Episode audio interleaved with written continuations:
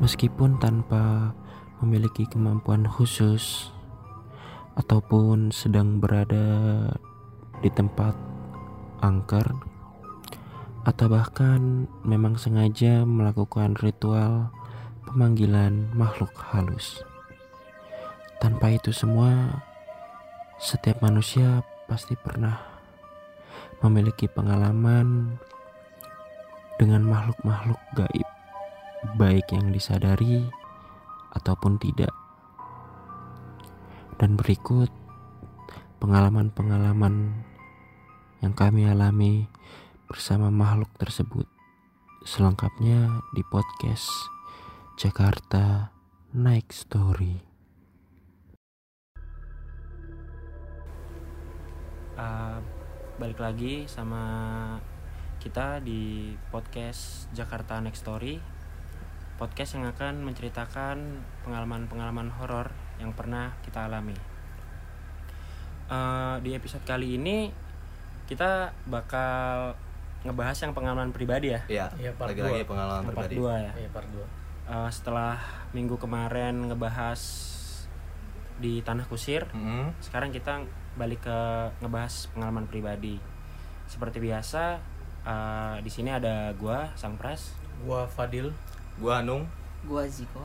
Nah, kali ini gue ditemenin sama dua teman gua nih yang sering kita sebut ya. Betul. Itu ada Ada Deka sama Gua Damjon. ya eh, di pengalaman pribadi ini gimana kalau kita langsung aja mulai berbagi pengalaman-pengalaman ya Iya, betul. yang pernah kita Alami. alamin lah ya Hmm. sendiri Eh, siapa nih yang mau nge-share pertama ceritanya ini? Ziko mungkin Ziko lu mungkin dong kayak lu paling siap nih dong coba Oke. dong lu Oke, dari gua kali ya. Hmm. Sebenarnya sih eh ini nggak gua alami langsung. Ini Oke. dialamin oleh kakak gua, tepat lebih pada abang gua. oh ya Cerita ini terjadi waktu gua masih SD.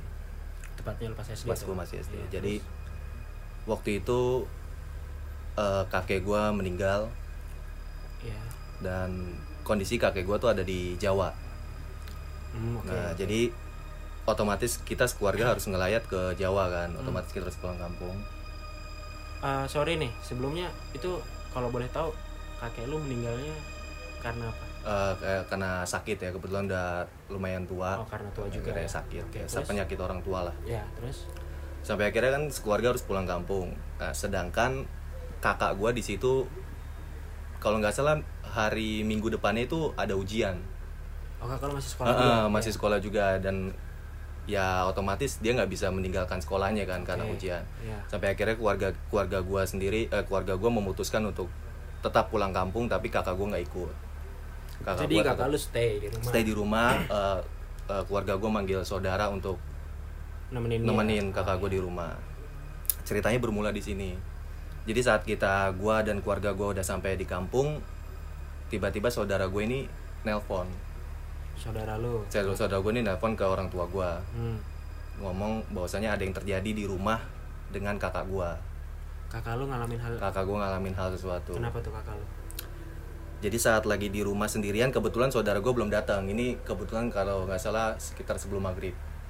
Oh jadi saudara lu tuh nggak nginep nggak terus nggak- full di rumah Oh, cuman jadi cuma beberapa ngehandle, ah, ya, datang kontrol- kontrol gitu jadi pulang ya, pergi pulang kondisi pergi rumah ya. terus Jadi sebelum maghrib kakak gua tuh lagi kondisi sendiri di rumah. Ya. Dia lagi main PS di atas kebetulan rumah gua tingkat dua, dia ada Hmm. di ya, lantai dua. Di bawah tuh ada suara orang baca koran. orang kayak Oh, kalau orang baca koran kalau gitu Oh, ngebalik ah, koran kan ini. bunyi kan, Iya, sek iya, sek sek oke. gitu kan. Eh, srek gitu Ah, ya. Srek dan terus kakak gua ya keganggu lah dengan suara itu. ah. Dia ngelihat ke bawah. Jadi itu di lantai dua itu jadi kayak ada ruangan yang lowong bisa ngelihat ke bawah. ya oh ngintip ngintip ke bawah. Ya. pas ngintip ke bawah tuh otomatis ya itu langsung ke bagian ruang tamu. Ya pas dia ngintip pertama tuh nggak ada apa-apa. Nggak ada apa-apa. Nggak ada apa-apa masih ada suaranya? Masih ada suara srek srek srek gitu. Mungkin kakak gue mikir mungkin kucing karena gue Ah, di rumah iya, melihara kucing. kucing kan. Terus? Dia masih cuek suara itu muncul lagi. Hmm, suara itu muncul lagi pas dia ngelongok ke bawah. Hmm. ada almarhum kakek gue lagi baca koran. Wah serius lu anjing. Gokil juga. Gokil juga tapi emang menurut eh, yang informasi yang gue dapet ya Hmm. kalau penampakan seperti itu emang berasal dari perilaku yang menerimanya. Maksudnya kayak yang almarhum sering dilakukan oleh Ah, almarhum ya almarhum kegiatannya kakek lo. Jadi kayak misalnya Iya. Uh, di dapur ada suara telteng telteng mungkin Ah. kebiasaannya orangnya suka ke dapur suka gitu. ke dapur, oh, kayak gitu. jadi pas kakak gue ngeliat itu apa langsung? sosok itu Ah, kaget dong. Ya dari kesaksian saudara gue sih dia ngomong kakak gue tuh langsung lari lari Hmm. keluar rumah. Dia bener-bener otomatis kan kalau dia mau keluar rumah kan ngelewatin Ngelewatin ruang tamu ruang itu dong. tamu, dia ya. bener-bener ngelewatin depannya itu. Dan pas kakak lu ngelari ngelewatin ruang tamu dia bilang masih ada masih ada sosok itu. masih ada bener-bener masih ada. Dia lari dia lari ke rumah. Kebetulan gue Tangga. punya kuli langganan kuli lah. Ah, ya. kayak udah dianggap saudara Iya, banget. Iya. dia lari ke situ sampai akhirnya ke situ dan akhirnya nelpon saudara gue dan saudara gue nelpon terus? kakak gue eh nelpon keluarga gue terus akhirnya gi- gimana kakak lu balik laginya. Dan akhirnya ternyata ya kakak gue ya pasti nyisain trauma lah kayak ketakutan gitu. Iya. mau pulang takut ada itu lagi ya kan? Kayak parno lah. Sampai akhirnya kakak gue memutuskan untuk tinggal di rumah saudara gue tapi itu kondisinya kakek lu udah dikuburin di Jawa? Di kondisinya masih, Masih di- didoain masih Sholat yang, yang di Hmm, nilai segala gitu lah. itulah ya. Oh, itu aja sih. Ya lumayan menyeramkan sih diliatin cuma itu eh, bukan kejadian yang gue alami sendiri ya Iya. lebih tepatnya abang gue Oke. Ah, selanjutnya nih mungkin kok kali ya, ya, ya. mau berbagi share Ya. cerita orang yang pernah alamin. Silakan. Di sini gue mau ceritain pengalaman pribadi gue waktu pertama kali gue kerja di sebuah restoran cepat saji di daerah Jakarta. Oke. Sebelumnya gue ngerasain uh, pengalaman ini kayak gak masuk akal banget selama Hmm, hmm. gue kerja. kerja. Oke. Nah, Gimana? karena pertamanya itu gue nggak ngerasa di tempat kerja gue ini kayak berbaur horor sama sekali Oh, karena restoran cepat ya saji. betul Iya. karena gue mikirnya ya Hmm, ya namanya restoran restoran, lah, ya. kayak nggak mungkin lah ada, Ada hal-hal mistis gitu Hmm. kan nah ini kejadian terjadi sekitar tahun 2015 tepatnya pas banget gue masuk kerja di restoran itu Oke. ya beberapa bulan gue masih jadi anak baru gue kan ada pembagian shift shift gitu kan kalau di Iya. restoran cepat saji Ah. cepat saji itu Ya pagi malam. pagi gitu. malam nah itu gue kebetulan dapet shift malam terus Shift malam. nah di tempat Shift malam lu itu dari jam berapa sampai jam berapa?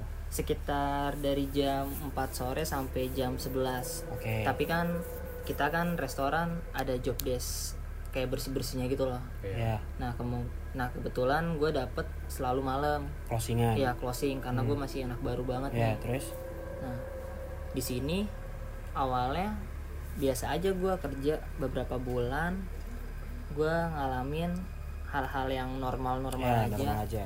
sampai suatu hari saat gue masuk malam, Hmm.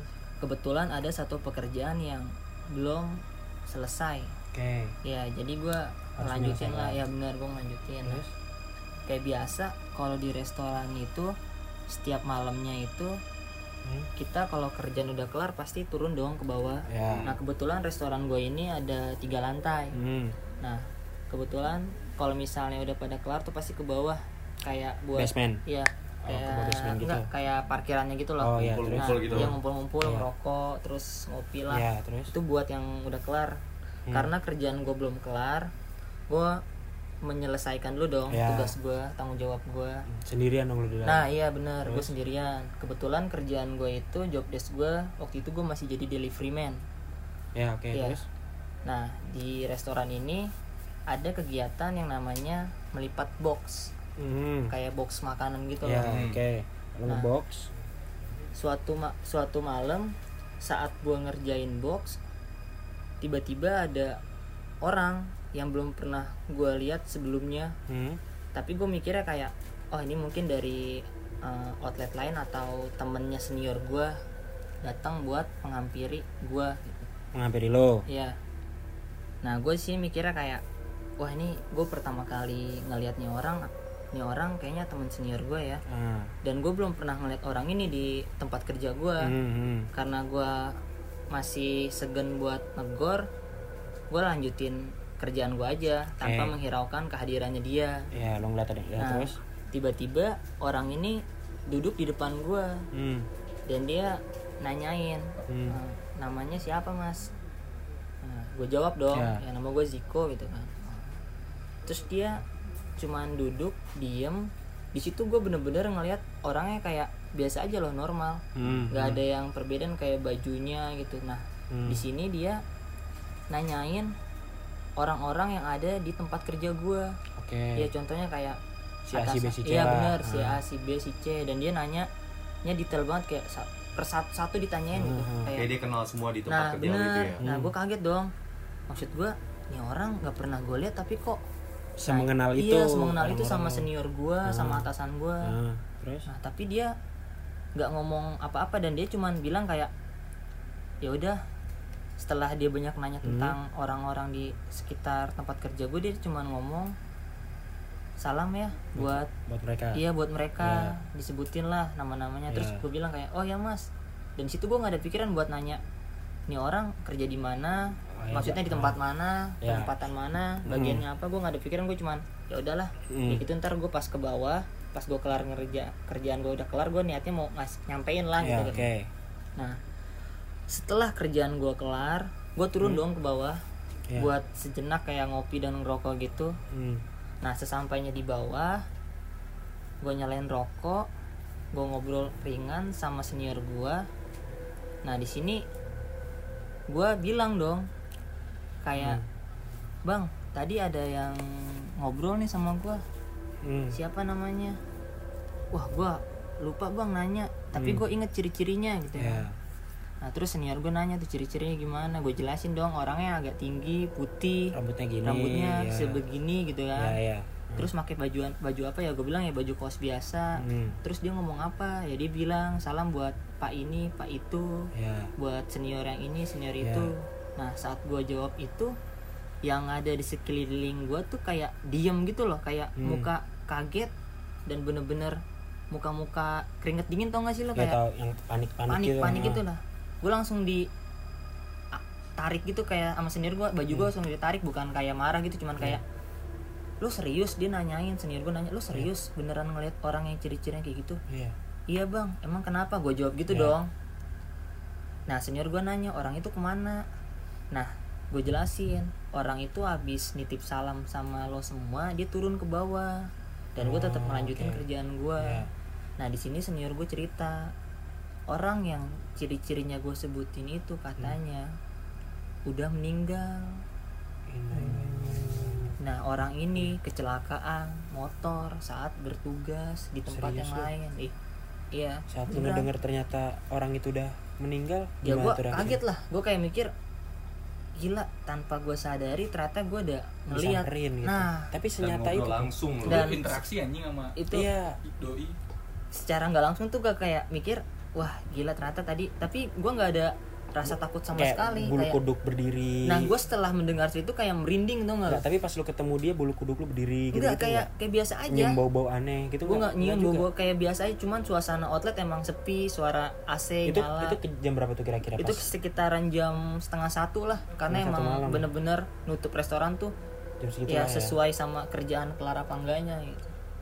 Dan setelah itu lu pernah ketemu roh senior lu dulu itu? Gua nggak gua nggak pernah ketemu pernah lagi ketemu dan Tapi emang itu dia meninggalnya baru atau Iya. itu kalau nggak salah kejadiannya seminggu setelah dia meninggal kalau nggak salah deh. Jadi kecelakaan. ba- ba- belum lama lah meninggal? belum lama belum lama pas dia gua ketemu sama orang itu katanya dia baru meninggal tuh semingguan lah. Dan dia bekerja di outlet yang sama dengan dia lo pernah atau bekerja di situ. Oh, pernah bekerja di situ, bekerja di tapi- situ dan hampir kenal sama orang-orang pas di situ. kejadian kecelakaan itu dia tidak nggak di situ. di situ. Oh. di tempat yang lain dan itu bener dan itu bener-bener kayak semua orang situ tuh kayak kaget dan ya namanya shock gimana sih Iya, kayak iya, betul. Iya, gila sampai seril itu loh iya. dari situ gue bener-bener kayak merinding dan nggak mau lagi maksudnya Hmm. kayak kalau closingan tuh mendingan Iya, iya. gue bareng sama yang lain deh gak mau sendirian gitu kadang memang eh, pengalaman-pengalaman kejadian horor gini tuh nggak melulu tentang iya pocong kuntilanak gitu ya iya gua gua makanya gua mengakui itu sendiri roh-roh gini juga roh-roh yang bener-bener kayak Yang menyerupai Menyerupai. menyerupai. Itu aja Oke, sih ya. kalau cerita dari gua thank you kok udah mau berbagi ya eh, next mungkin Deka nih yang mau berbagi Sebagai cerita tamu kita ya. kan dia yang survei-survei terus tuh Nah, tapi di cerita-cerita sebelumnya kita sering nyebut nama Deka nih karena Iya. dia sering ikut di explore kita. wah iya harusnya sih dia sering mendapatkan Iya. cerita-ceritanya Harusnya, menyeramkan ya iya oke ya Deko. silahkan Deko ingin berbagi cerita yang pernah dialami Iya. Jadi gue mau ceritain pas pengalaman gue di gunung nih, di gunung daerah Jawa Barat itu kalau nggak salah gunung apa ya disebut aja gunung apa Gunung Gede, oh iya Gunung Gede, Gunung Oh, Gede oke. Pangrango. Hmm. Nah ini gue posisinya itu di tahun 2017 kalau nggak salah. Hmm. Jadi gue sama teman-teman gue tuh rame banget yang naik sekitar 20 orang kalau nggak salah itu udah masal banget kan. oke ya Itu yang sangat rame. Jadi, nah kita berangkat tuh dari eh jalur Putri. oh ya Oh, jadi ada beberapa jalur untuk mendaki Iya, gunung iya. itu ya dan Iya, lo melewat benar. jalur Putri. Nah, kita lebih milih jalur putri kan karena emang di sana treknya kan lebih landai gitu katanya. Terus kita mulai ngetrek itu sekitar jam 7 pagi ini ceritanya. Hmm. Jam 7 pagi. Nah, jalan-jalan jalan-jalan jalan. Nah, tah gimana caranya itu? Mungkin karena kecapean dan mungkin fisik gue di situ juga nggak begitu kuat kan. Lagi nggak. Karena iya mungkin karena gue juga termasuk pendaki gunung yang amatir gitu Nah, kan. terus Gue ketinggalan nih sama rombongan teman-teman gue. sendirian Enggak, enggak sendirian berdua sama teman gua. Berdua sama teman gua. Nah, jadi ketinggalannya itu yang bener-bener ya ketinggalan banget jauh Hmm. gitu. Yang harusnya kita target sampai Surya Kencana itu sekitar jam 1, ini gua jam 3 pun belum sampai Surya Kencana gitu kan. setelah itu Iya, wah telat banget pokoknya. Itu mungkin karena satu capek juga, kedinginan juga kan segala macam.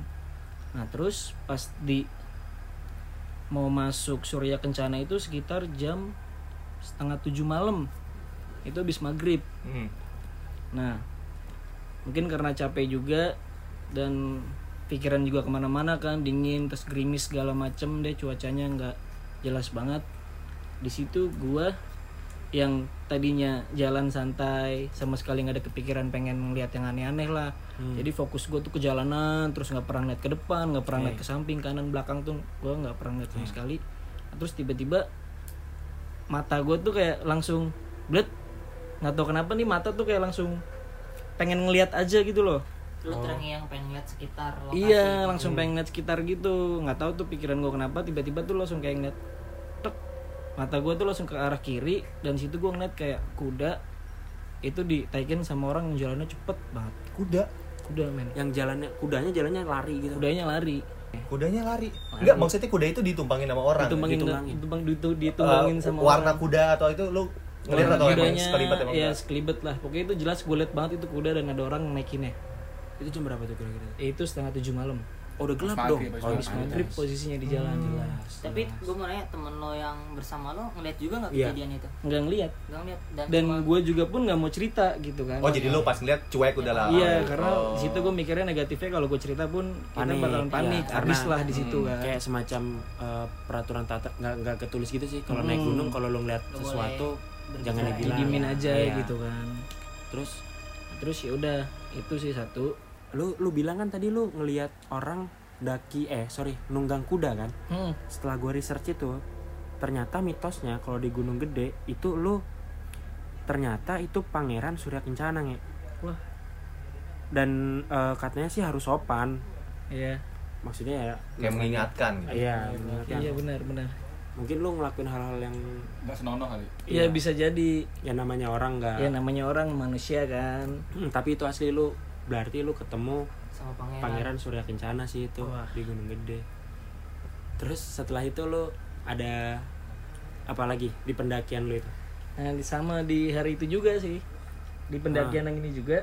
Dia udah kan. Setelah itu gue setelah gue ngeliat kuda itu, Ah. ya gue nggak berani cerita ke siapa-siapa kan. ha. Karena emang gue mikirnya ya ntar aja lah di, Ya. di rumah atau di mana gue Hmm. ceritainnya.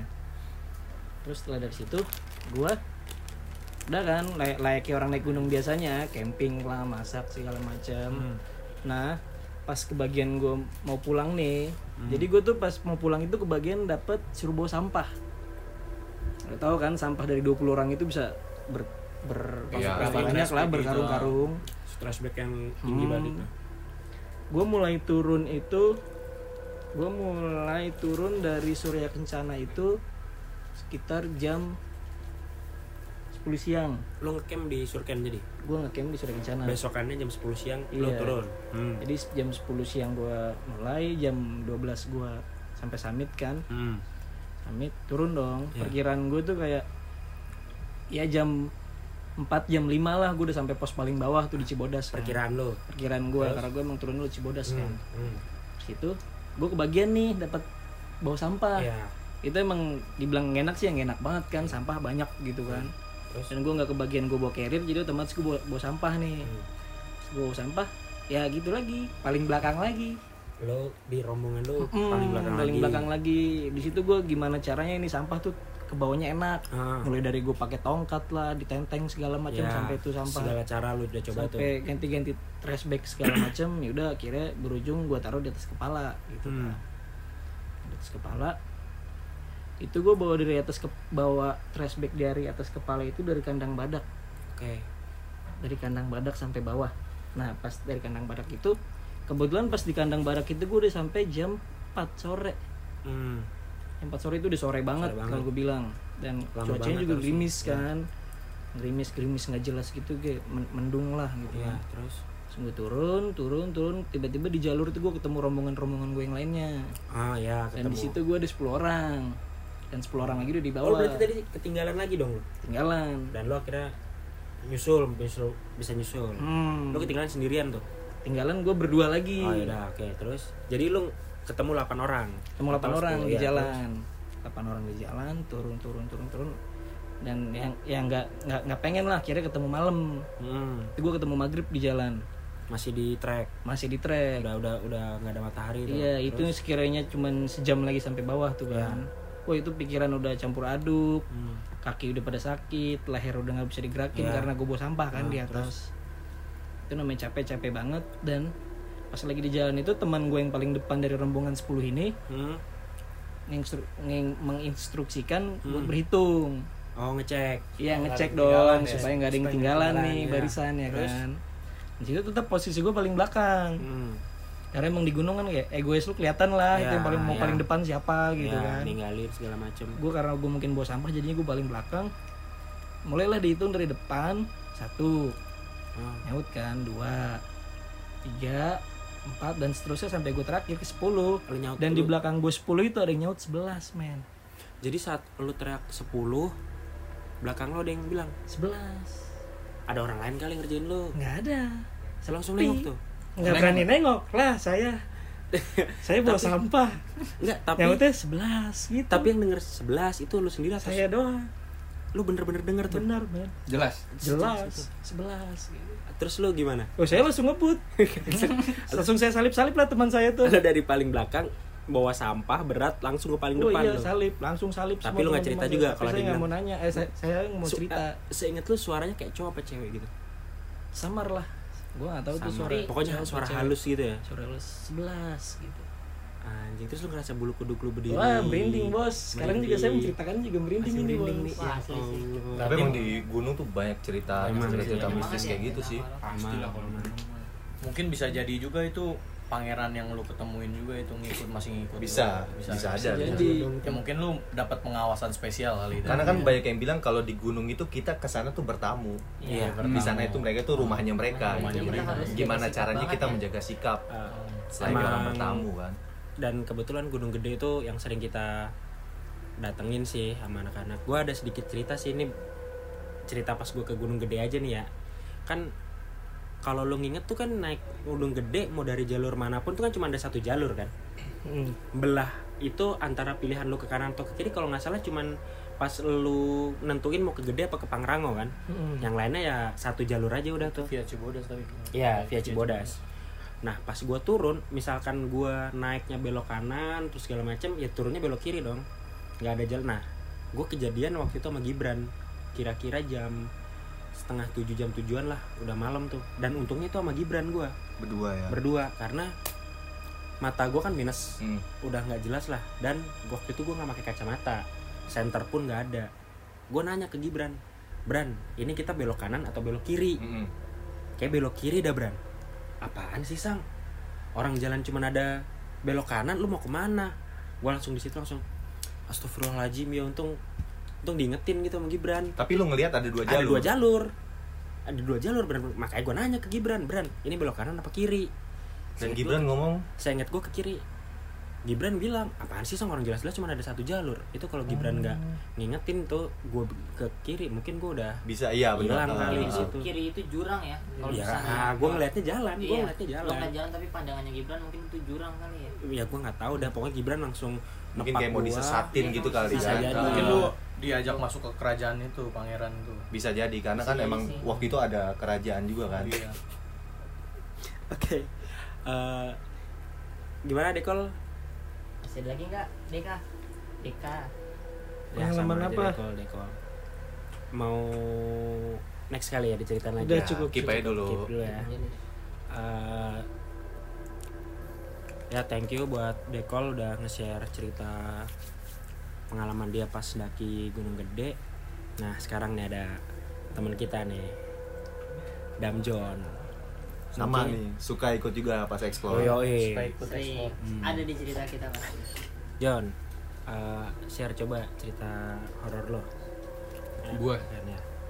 gue pasti kalau gue yang gue alamin pasti di rumah gue sendiri Jadi ini selalu di rumah lo nih. iya pasti kalau gue selalu di rumah Gimana tuh? jadi ini kejadian sebelum rumah gue direnov kayak sekarang ya Ya. posisi sebelum rumah gue direnov Hmm. jadi waktu itu gue di rumah gue gue lagi bertiga doang gue abang gue sama ceweknya abang gue posisi abang gue waktu itu belum merit Oke. kayak yang, kayak yang lo tahu kan rumah gue sering banget kosong kan nyokap gue Ya. sering pergi iya betul Iya.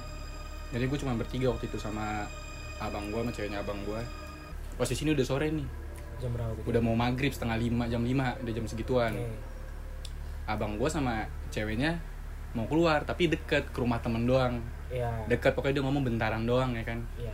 oh ya udah kata gue ya udah keluar aja nah gue pas udah mau mepet mepet maghrib Hmm. gue mandi biasa kan gue kalau mandi kan mepet maghrib ya Hmm. mandi nah pas gue lagi mandi di tengah-tengah mandi azan tuh azan maghrib nggak lama ke azan gue denger ada suara ceweknya abang gue sama abang gue masuk ke rumah gimana sih suara buka pintu kan kedengeran sampai kamar mandi gue Hmm. kedengeran itu buka Dalam pintu dia nih. crack terus ceweknya abang gue gue denger banget ceweknya abang gue ngomong kayak gini itu dahsyat lagi mandi pai Ah. terus abang Pai gue itu abang lu? Iya, Pak Ya. itu abang gue kayak, oh ya udah gini gini gini. Ya udah kan, gue habis mandi, keluar mandi, masih pakai handukan, baru gue pengen nengok ke ruang tamu yang biasa abang gue sama cewek abang gue duduk. Duduk. Hmm. Baru gue pengen nengok sambil negor kayak gini ngomong, lalu udah balik pas gue mau ngomong lah, lah lah nggak ada orang, Serius. kagak ada orang anjing. Tapi lu jelas dengernya. jelas. Terus, Terus, terus? gue posisi kelar maghrib tuh, Hmm. kelar azan. Hmm. Gue belum pakai baju, belum apa, gue langsung ngechat abang gue kan, gue Ah. pe- pe- Telanjang pe- dong lu ngechat. ya masih handukan Oh, pakai handuk terus. chat kan pe lu tadi pulang dulu ke rumah Ah, ya ah. mungkin ngobrol sama Ya. Hanya ngambil sesuatu kagak ada balesan tuh setengah Ah. jam sejam kagak ada ba- bales-bales tapi gue lihat di tempat yang tadi mereka duduk sebelum mereka cabut Nggak ada. posisi tuh pas mereka cabut HP ceweknya abang gue ketinggalan Ah. Hmm. tapi kok kalau misalnya seandainya mereka bal- balik terus keluar lagi masa tuh Dibawa HP deh. nggak dibawa Tetap betul. ada di situ HP-nya. nggak geser sama sekali dari posisi terakhir Awal. dia cabut Iya. terus siapa yang ada siapa gitu kan Hmm, terus hmm. nggak lama abang gue balas terus balik lo tadi ke rumah ya sama Ayas enggak. Demi apa lu gue nyampe ngomong kayak gitu sampai gue tanya sumpah demi apa lu? Gue nggak percaya gue sampai merinding sendiri masalahnya maghrib gue posisi sendiri di rumah. Hmm. Tapi pas lu ngedenger itu lu nggak kabur keluar atau gimana gitu? enggak karena gue mikirnya kan posisi pas gue denger itu gue masih mandi dan gue mikirnya Oh. oh, paling abang Enggak pas lu mau memastikan lah lu udah balik tapi nggak ada orang lu enggak enggak gue malah duduk di situ diem kayak orang bego terus gue ngubungin abang gue gue teleponin abang gue nggak ngangkat ngangkat eh, karena gue denger eh, sering emang kejadian-kejadian gini di rumah lu. iya sering Apa ada ada apa ada lagi nih, coba? ada lagi eh, yang tapi lebih sering diganggu sih abang gue kalau di rumah ya kalau gue nggak begitu sering jadi gue ceritain aja nih pengalaman abang gue ya waktu itu Abang lu Pai namanya Pai siapa? ya Pai, Pai, Pai, ya Pai. sebut saja Oh, Pai. Oke. Oke udah kayak gitu. Biasa posisi rumah gue kosong lagi. Iya. Tapi pasti. kali ini gue lagi pergi keluar, abang gue sendirian di rumah. ini abang lu bener-bener sendirian. Sendirian. Terus? Dia nyampe nelfonin gue masalah waktu itu. Gue kira ada apa kan? Oke, Hmm. ini gue ceritain. Hmm. Jadi posisi sendirian itu posisi siang loh, sebelum masar lah. Jam 2an, setengah tiga. Masih jam 2-an. Mm-mm, masih Terus terang. Dia nyalain komputer. Biasa Hmm. mau main Dota ya kan. main game Nyalain terus komputer. Kan kalau monitor gue kan sebelum dinyalain kan hitam dulu tuh. ah, kan Ah. biru it, gelap dulu kan. Ah. Gelap dulu baru nyala. Ah. Nah, pas biru gelap dulu. Dia pas ngeliat gelap dulu kan tuh monitor mantul dong ke Ah, belakang. iya, iya. Pas dia ngeliat bias-bias gitu iya, ya. iya. pas dia ngeliat pas mantul tuh gelap kok ini kayak ada orang kayak ada orang pas ditegesin tuh layar bener ada yang berdiri di belakangnya sih Bener-bener di belakang. Tepat di belakang. iya deket gede gitu Ketompo mukanya anjing. nggak nggak ketompot Nggak, maksudnya, maksudnya- badannya kelihatan dari depan tuh Anjing gede gitu tinggi nggak ini gua Gila, nggak anjing. ngarang Gue gue merinding nih kira sumpah. Terus udah terus. habis itu abang gua nggak pakai pikir panjang langsung matiin PC lagi dia langsung banting tuh apa sih gimana sih gua langsung mundur buru buru mundurin Oh, iya. kursi Ah. langsung lari ngibrit keluar rumah ke rumah temennya Itu dia sendirian tuh. itu sendirian Asli Terus sih. satu lagi abang gue lagi bukan gue nih ya abang, Abang gua. lu yang kena lagi nih. abang gue lagi yang kena Hmm. posisi dia sendirian lagi di rumah Ah. Gimana tuh? kali ini dia lagi nyuci piring lu Oke. ini masih rumah gue yang lama ya belum Iya, di renov lu iya. tau kan posisi rumah gue yang lama tuh Ya intinya hmm, lagi nyuci piring. Iya. lu lagi nyuci piring lah. lagi nyuci piring kan tempat cuci piring gue kalau di rumah yang lama kan belakang tuh ada genangan air gitu ya di bawah jadi kalau misalnya lu ngeliat kayak lu ngaca ngeliat ke atas gimana sih mantul Hmm, ke iya. atas ini abang gue lagi nyuci siang sama terang Hmm. juga posisi jamnya sama sebelum asar masih terang kok kayak ada air dia lagi nyuci piring ada air yang netes gitu dari atas tes Oh iya. ha. tapi posisi cerah nggak hujan nggak Ah. mungkin rembesan air Oh, gerimis atau gimana kan Tempat cuci piringnya itu nggak nggak tutup atap. nggak ketutup, Hmm. ketutup atap cuman gitu susah lah jelasin Plong jauh, jauh. Plong. Plong Ada jauh. selang untuk keluar gitu. ada selang Ah. untuk keluar Ah. nah di jadi tem- pas banget di di atas tempat cuci piring tuh tempat jemuran Ya, tapi oke. bentuknya kayak tangga ya gitu gitu jadi. Oke, terus kalau misalnya ada orang di atas lu bisa ngobrol lah bisa Hmm. ngompol-ngompol gimana sih nggak kelihatan Iya. nah abang gue lagi nyuci tiba-tiba kayak ada yang netes air tes tes orang kering nggak hujan nggak apaan kan nggak ada yang jemur juga Ya, jadi ya. nggak mungkin air jemuran netes pas abang gue nengok ke atas pas banget abang gue nengok ke atas jadi kayak ada yang abis narik kepala gimana sih gitu kayak set, Kayak kayak ada yang abis ngintip abang Oh, gue Iya, iya, iya. Kayak buru-buru cabut nah tuh. gitu set langsung ih abang gue langsung ih apaan tuh. Nggak pakai nama abang gue langsung tinggalin tuh cucian piring langsung cabut juga nggak pakai nama kalau dia kayak gitu orangnya penakut dia Oh, Tapi dia bener-bener real menampakkan wujudnya Iya. berarti kan ya. Dan, dan waktunya nggak untuk harus malam ternyata ya Heeh. Ternyata Iya. siang juga kayak bisa nampak juga malah ya kalau di Iya. rumah gue lebih keseringan siang sih siang ya Mm, mm. ya karena kita sering ke rumah dia malam pas malam nggak kenapa-napa juga sih. Hmm. soalnya kita rame-rame juga Soalnya mungkin. rame mungkin jadi faktor juga sih. Tapi setelah sekarang direnov udah masih ada kejadian-kejadian. ada waktu itu gue nih singkat nih ceritanya yang ini. Waktu itu gue ini belum lama jadi nih rumah Iya. gue gue lagi nonton film kan di atas.